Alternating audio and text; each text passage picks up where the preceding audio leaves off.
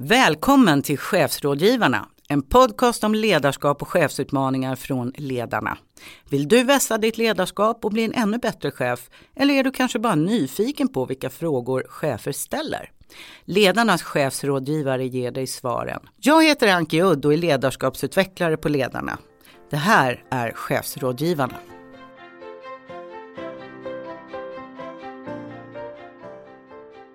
Då och då så kan vi läsa om framgångsrika uppstickare bland företag både i Sverige och utomlands.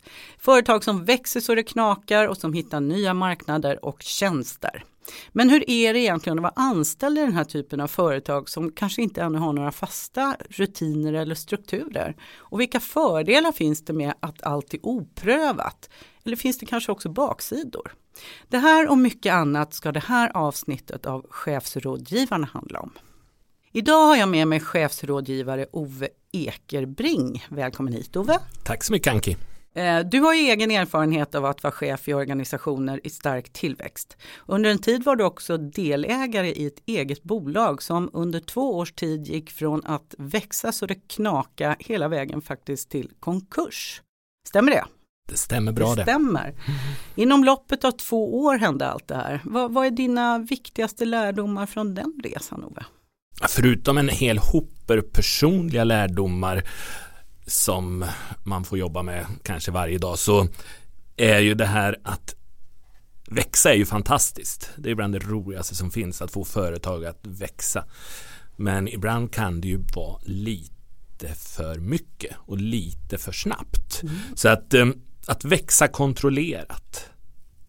Att reflektera och sen ett ord som kanske inte är så sexigt bland eh, så många men kostnadskontroll. Att ha kontroll över eh, sina kostnader och under tillväxt det eh, är kanske den svåraste utmaningen för chefer som eh, man, man anställer för att, att få tillväxt men samtidigt kunna hålla i plånboken. Och sen en sak som jag har ansett mig själv vara väldigt bra på det var ju att bära kultur, att bära ledarskapet och få andra personer att växa. Någonstans där när det börjar gå, inte gå så bra så tappar jag nog min egen motivation. Jag tappade glädjen vilket innebar att mina chefer sjönk ju som stenar. När jag inte kunde bära dem och, och peppa dem och trycka på dem. Så då så det är det viktigaste tror jag att cheferna hela tiden lyckas lyckas vara med i företaget. Och framförallt den som, som då ska vara kapten på skutan. Men det är många nyttiga lärdomar. Det här kommer vi prata lite mer om senare. Eh, jag tänkte också fråga dig Ove innan vi hälsar vår gäst välkommen. Vad är det chefer ringer till dig om och undrar när det handlar just om de här expansiva företagen? Ja, det är ju vad man ska tänka på i bolag som kanske inte är så, så eh, gamla på marknaden. Alltså har man kollektivavtal, hur, vad ska man tänka på om de inte har kollektivavtal? Om anställningsavtalen eh, alltså kanske inte är så här uppbyggda som eh, anställningsavtal är på stora bolag. Eh, processer, rutiner tjänstebilar, eh, förmånsbilar, allt det här som, som man kanske är van med sedan en tidigare anställning, att allt finns på papper. Men här så, så är det muntliga berättelser om det och då blir man lite orolig samtidigt som man är väldigt spänd på att det känns spännande att komma in i nya miljöer. Men också då kanske tips på ledarskap. Vad ska jag tänka på i de här mindre bolagen? Vad ska jag tänka på när det växer så det knakar? Mm, okay. Eh, till vår hjälp idag Ove så har vi med en gäst med oss också. Välkommen hit Ann-Marie Andrich. Tack. Eh, du är idag HR-chef på iSettle. Eh, och för de som kanske inte känner till det företaget, berätta lite kort vad är det ni gör? Ja, vad gör iSettle? iSettle är ett fantastiskt roligt bolag. Eh, iSettle startade 2010 Ehm, då man insåg att de små företagarna faktiskt inte kunde ta betalt Eh, med kort lika enkelt som de större företagen. Eh, därför att kostnaderna från bankerna var rätt stora och det slog givetvis på Eh, den totala omsättningen för de små bolagen. Så då tog man fram en liten väldigt smidig dosa som man kunde göra mobila eh, betalningar med. Och det var så iCenter började och sen så har bolaget vuxit så det knakar eh, och i och med det så har vi också produktutvecklat och tagit fram tjänster som eh, ytterligare hjälper de små företagen att driva och växa sin affär framåt. Så det är ett typiskt företag kan vi säga som vi pratar om här bland annat idag. Ni har inte funnits jättelänge Nej. och det har gått väldigt fort. Ni Det har, har gått hittat nya väldigt- marknader och tjänster. Ja, precis. Så på de här sju åren, för det är ju sju år gamla, så har vi vuxit från egentligen eh, våra grundare som är två stycken, Magnus Nilsson och Jakob De Geer, eh, till att vara mer än 600 medarbetare idag på 12 marknader, primärt i Europa och eh, även i Sydamerika. Så det har gått väldigt fort. Mm, det får man säga. Ja, det har det gjort. Härligt, Mm, spännande. mm. Eh, vi brukar också för att våra lyssnare ska få lite känsla för våra gäster så där så brukar vi göra en väldigt kort snabb enkät. Mm. Så nu kommer jag utsätta dig för den också. Hjälp. Eh, det är ganska ovanligt. Ja. Eh, du ska bara få, du kommer få välja mellan två begrepp, Mm. eh, bara så här intuitivt. Mm. Bitcoins eller dollar? Oj, bitcoin. Bill Gates eller Steve Jobs? Bill Gates alla dagar i veckan. Hemmamiddag eller äta ute? Hemmamiddag. Okej, Mm. härligt. Då har vi ju full koll på Ann-Marie, eller hur? Absolut. Jag skulle vilja höra den analysen. Den kommer i nästa avsnitt. Ja. Eh, Ann-Maria, du har också tidigt varit, eh, HR, tidigare varit HR-chef inom både Bisnord och Microsoft Sverige. ja. Så du har ju verkligen erfarenhet av både de här väldigt expansiva nytänkande företagen men också mer etablerade företag Mm. på marknaden. Mm. Eh, vad är lockelsen för dig att jobba just i den här typen av företag som växer så det knakar i Mm. ditt jobb som HR-chef? Vad är det det. som lockar? Eh, ja, precis som du säger Anki, min bakgrund är ju de stora, mogna, etablerade bolagen som har funnits på marknaden alltifrån 50 till 150 år. Eh, och eh, när jag fick frågan eh, om att eh, kliva in på iSettle så tänkte jag att den, det jag inte har, den erfarenheten jag inte har det är hur är det att verka i ägarledda entreprenörsdrivna bolag. Det vet inte jag. Eh, och en av de sakerna som, som har varit min drivkraft eh, under de här åren som jag har jobbat med HR har varit att lära mig nytt. Och det är också en av fördelarna med HR, att vi faktiskt kan verka i olika industrier och olika organisationer. Men men det, som, det som lockade mig var givetvis den resa som iSettle befinner sig på nu. Eh, sju år gamla, eh, har börjat som en startup. Någonstans titulerar vi oss fortfarande som en startup men vi är inte riktigt det längre. Utan nu ska vi växa upp.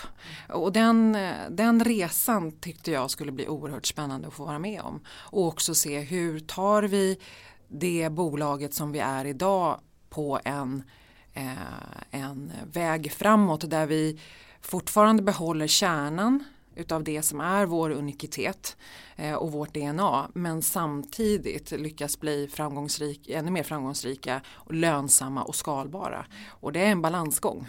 Eh, och två månader in på iSettle kan jag säga att det, det är en balansgång. Eh, så jättespännande så här långt. Men det var, det var lockelsen. Ja, spännande. Vi kommer få prata mer om det lite senare också. Vi har en första lyssnarfråga i vanlig ordning. Då vänder jag mig först till dig Ove.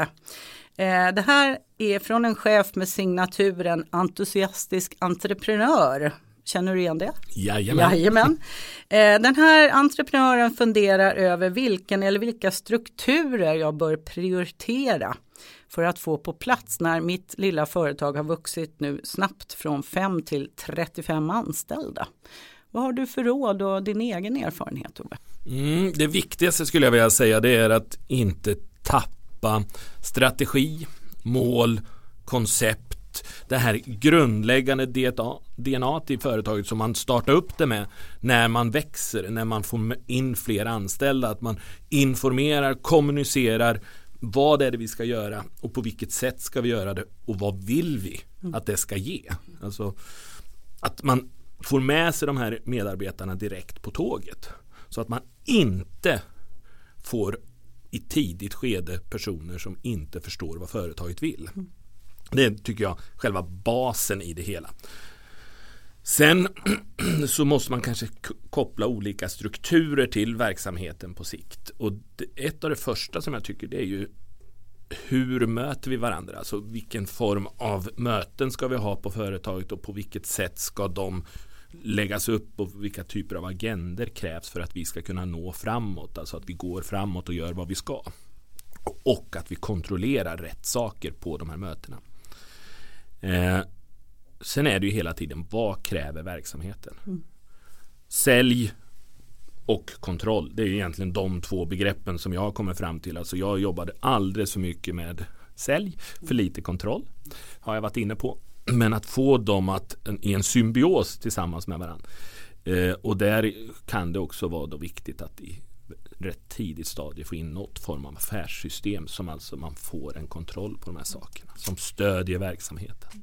Eh, och det där kan ju vara en knepig avvägning tänker jag, för det är ju ofta nystartade företag, det är ofta entusiastiska entreprenörer som är otroligt duktiga på det de kommer på och innovativa, men kanske inte med automatik är de som faktiskt är bäst på att sen bygga upp själva strukturer i företag.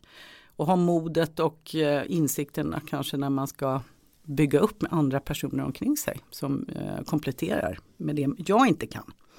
Vad säger du Ann-Marie? Vilka är dina erfarenheter vid sån här snabb expansion? Eh, när man inte har hunnit etablera några rutiner eller strukturer, vad, vad, tycker du är det första som borde finnas på plats eller behöver finnas på plats?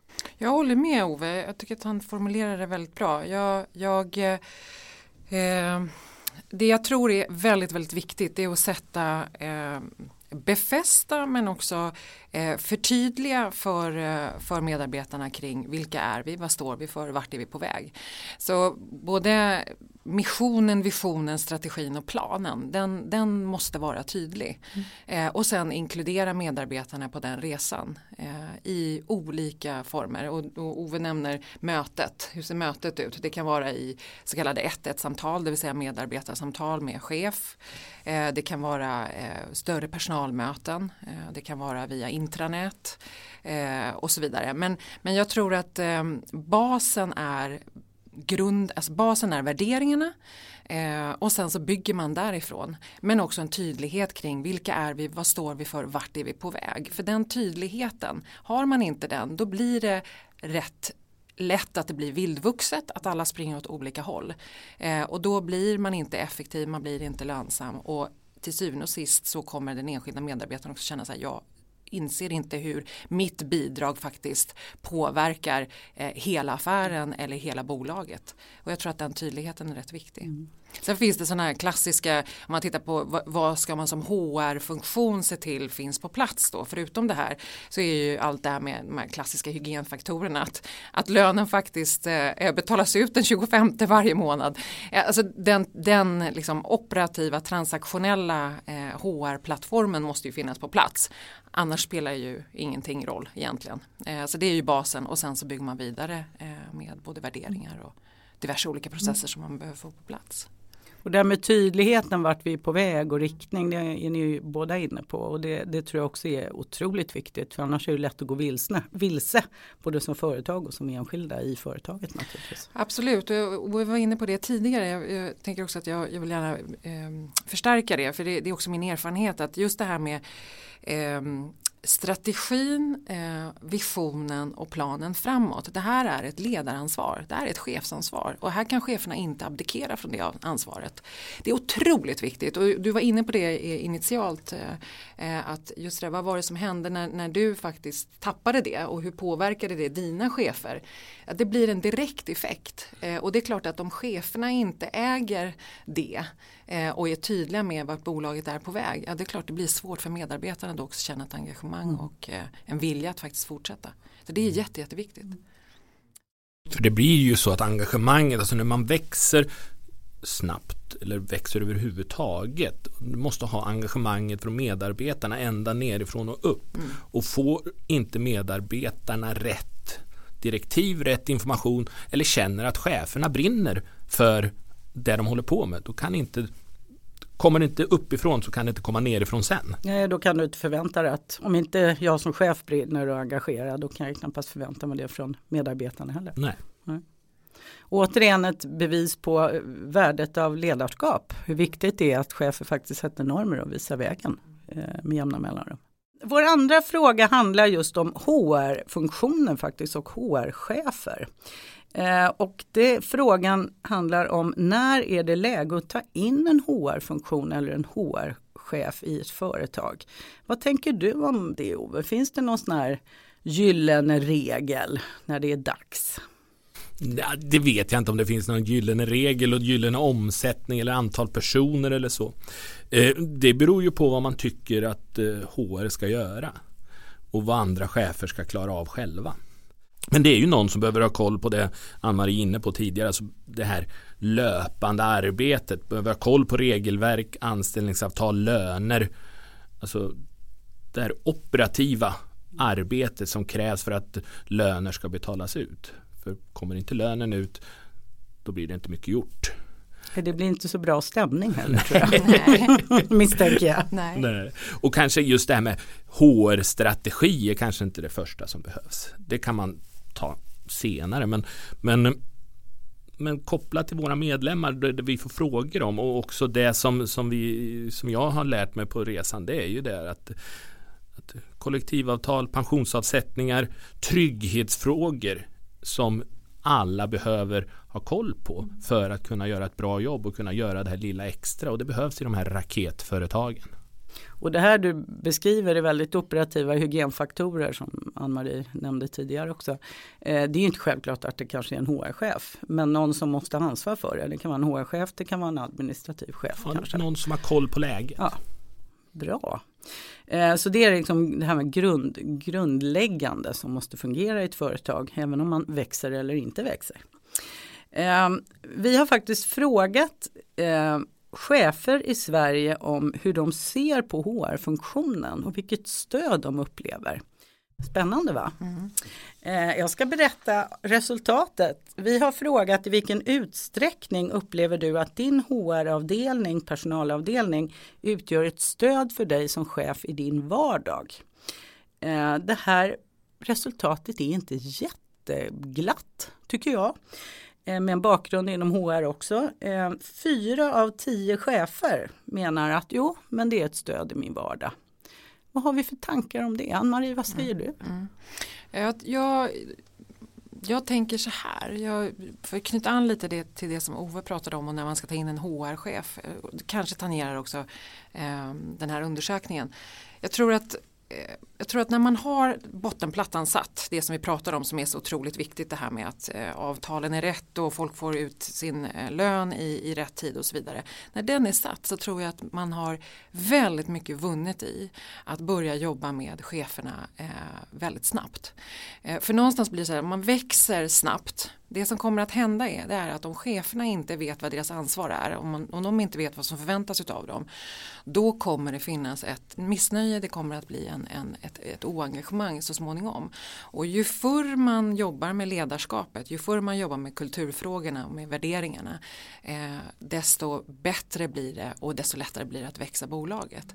Och jag tror någonstans, jag vet inte, för jag har inte, jag har inte tagit del av den här undersökningen, men det kan eventuellt vara så att, att HR-funktionen fortfarande idag är mer reaktiv än proaktiv.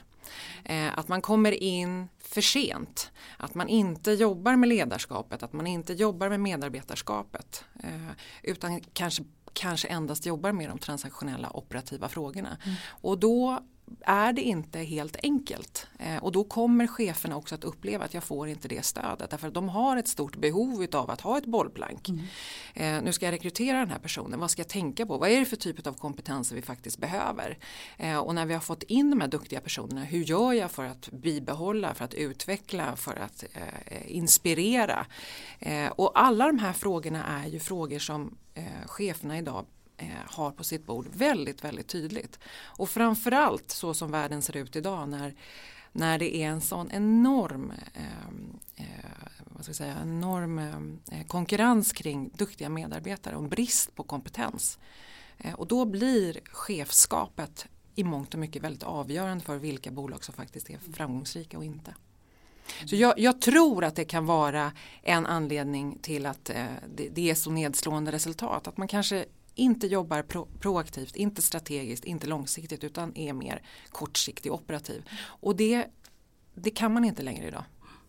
Jag tänker också kanske att man har lite otydliga förväntningar på varandra. Eh, ofta är ju HR-funktionen precis som du säger mer, jobbar lite mer strategiskt långsiktigt medan chefer kanske sitter för, med förhoppningen att eh, HR ska vara mer operativa och avlasta mig som chef. Jag tänker att det kan finnas lite olika bild också mm. i företag om mm. hur det ska vara så att säga.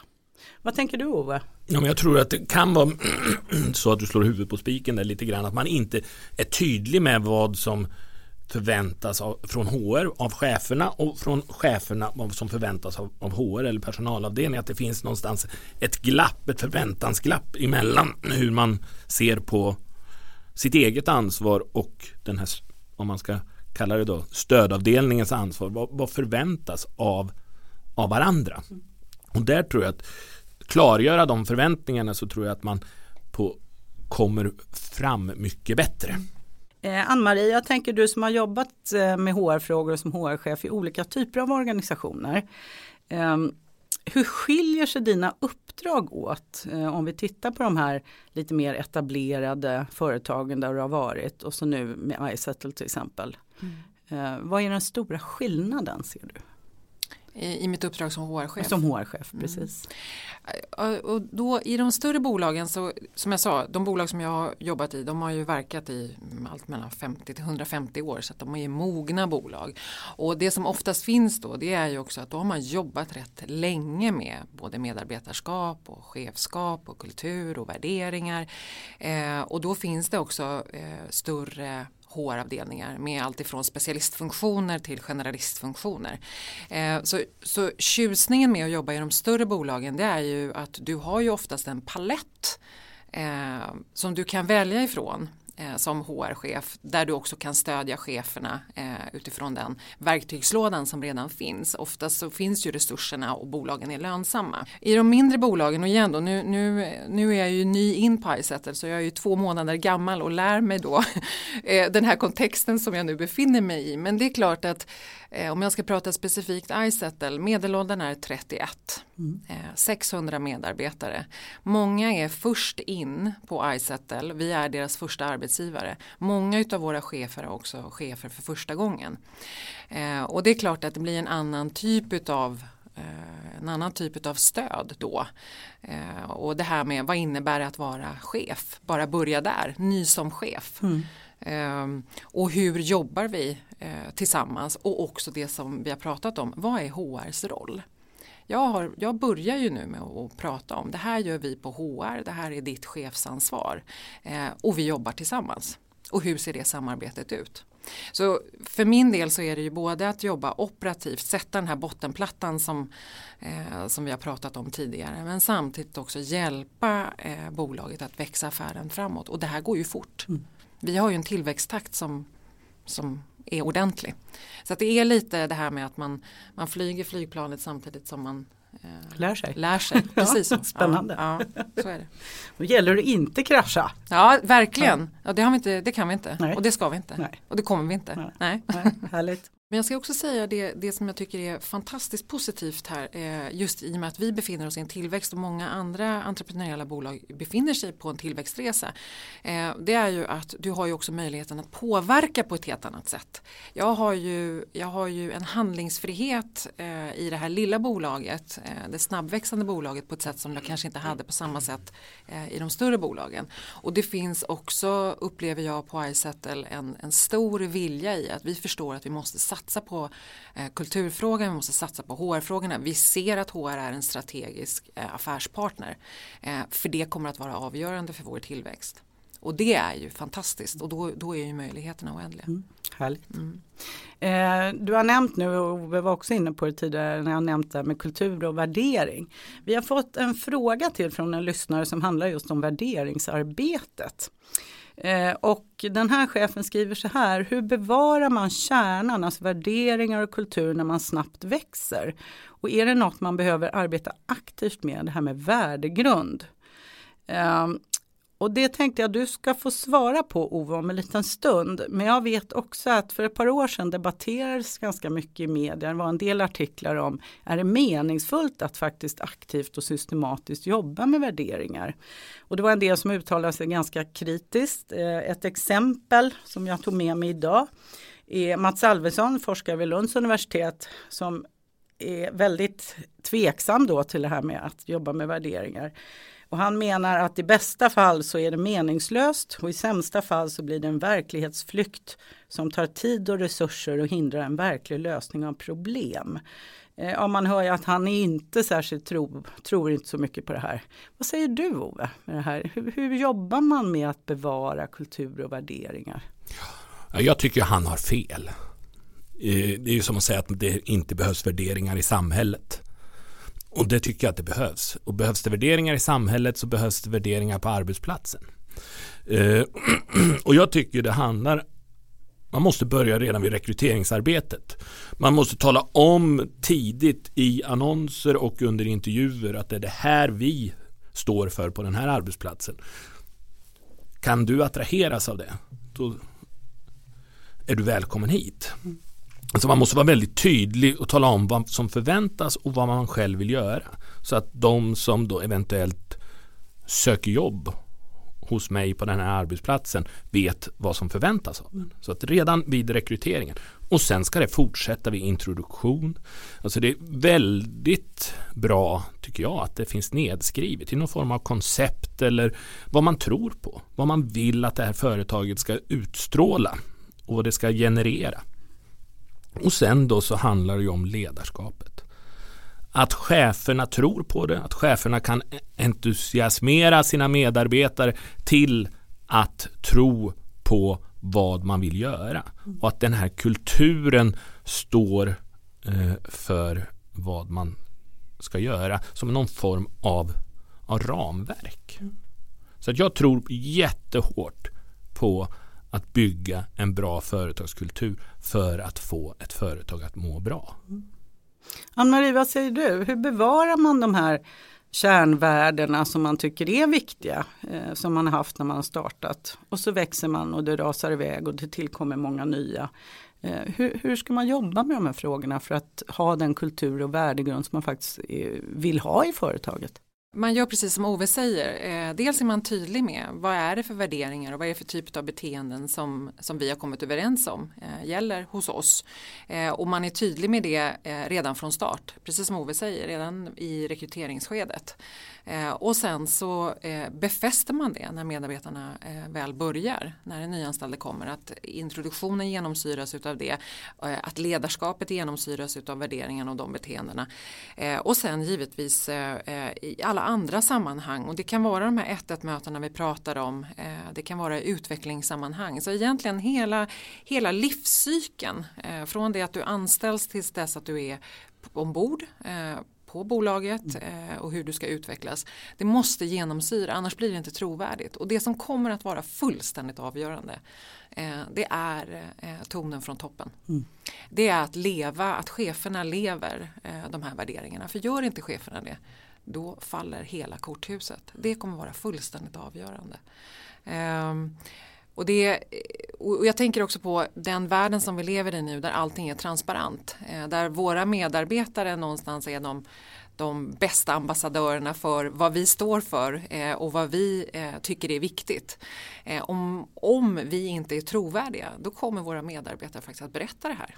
Eh, så de kommer berätta det på middagen, de kommer berätta det för sina kompisar, de kommer berätta det för, för, eh, för i värsta fall kunden också. Eh, och här, här är det ju viktigt att man jobbar aktivt med, med värderingarna också, att det blir trovärdigt mm. och att man står för det.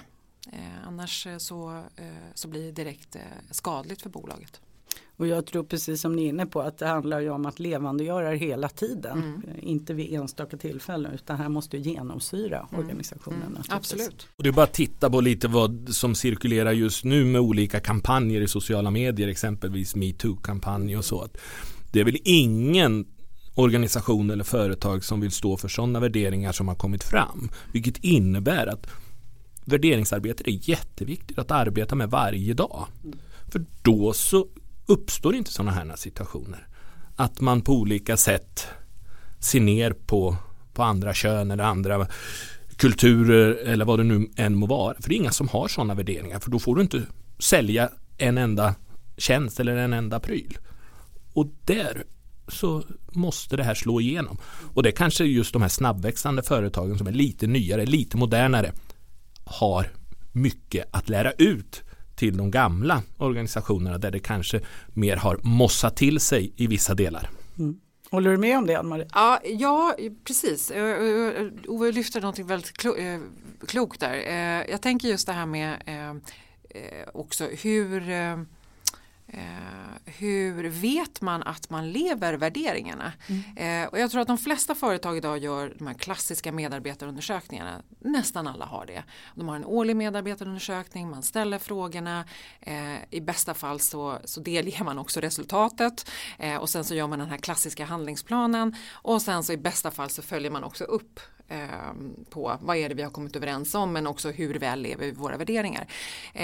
Det jag ser hända nu, eh, givet att, att världen går så pass snabbt, det är att det räcker inte med att ställa den här frågan eller de här frågorna eh, en gång per år. Du bör göra det oftare, om det är en gång i månaden eller en gång i kvartalet. Och då räcker det oftast med en fråga och det är den här klassiska EMPS-frågan. Skulle du rekommendera ISET i det här fallet? Till, vad sa du nu så lyssnarna Förlåt, EMPS. EMPS. EMPS, det betyder egentligen att man ställer en fråga och frågan handlar om skulle du rekommendera iSettle som en bra arbetsgivare okay. till en vän. Mm. Det man får ut på den frågan det är väldigt mycket information om ja, jag skulle eller nej, jag skulle inte och så har man då eh, eh kommentarer kring det.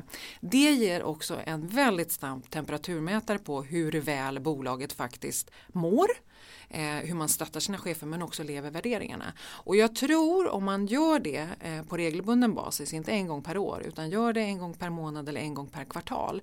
Då har man också en möjlighet att rätta till det som man behöver rätta till.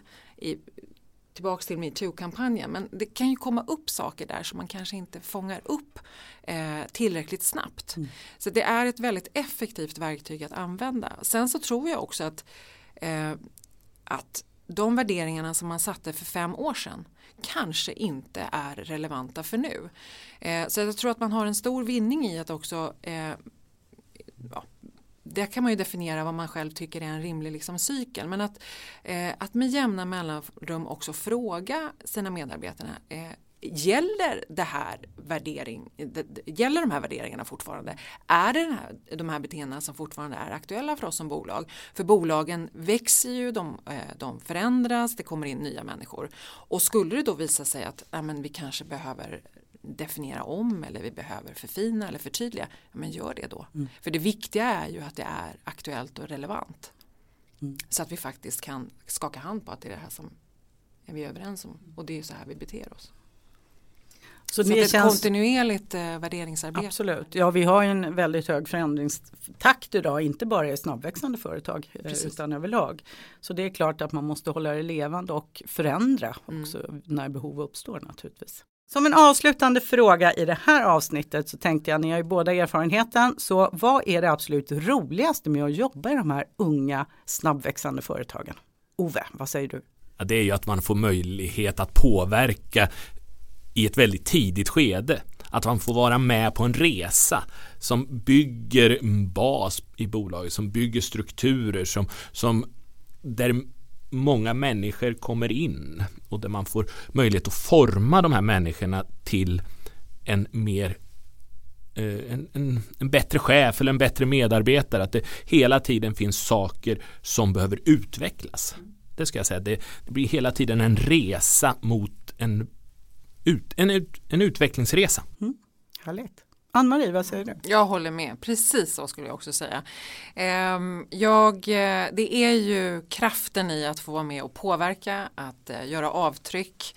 Ehm, och jag, utifrån mitt eget perspektiv nu på iSettle så tänker jag just de här fantastiskt unga, hungriga, nyfikna och till viss del måste jag ändå säga, eh, jag säger det nu, eh, får vi se vad de säger om det här när jag kommer tillbaka till jobbet, men formbara medarbetarna. Eh, därmed inte sagt att man inte är formbar eller utvecklingsbar om man är äldre, det är man givetvis, men de är 31 år gamla och då tänker jag så här, om vi nu lyckas jobba igenom ledarskapet ordentligt, eh, vilket vi kommer att göra, sätta normen för vad en god arbetsgivare faktiskt är och vad, hur vi jobbar med ehm, eh, eh, personalfrågor och vad en god eh, chef är. När våra medarbetare och våra chefer faktiskt lämnar iSettle, det kommer de att göra förr eller senare, att de då tar med sig det goda exemplet. Jag kan inte tänka mig bättre employee branding-arbete eh, än det arbetet och det tycker jag är fantastiskt spännande få vara med om och också kunna påverka utifrån min roll. Härligt. Mm. Då får jag önska dig lycka till med det fortsättningsvis också. Tack snälla. Eh, och avslutningsvis vill jag naturligtvis påminna våra lyssnare om att ställ din fråga till oss här på chefsradgivarna ledarna.se. Och tack för att ni var med och lyssnade idag och tack för att ni medverkar. Tack. tack.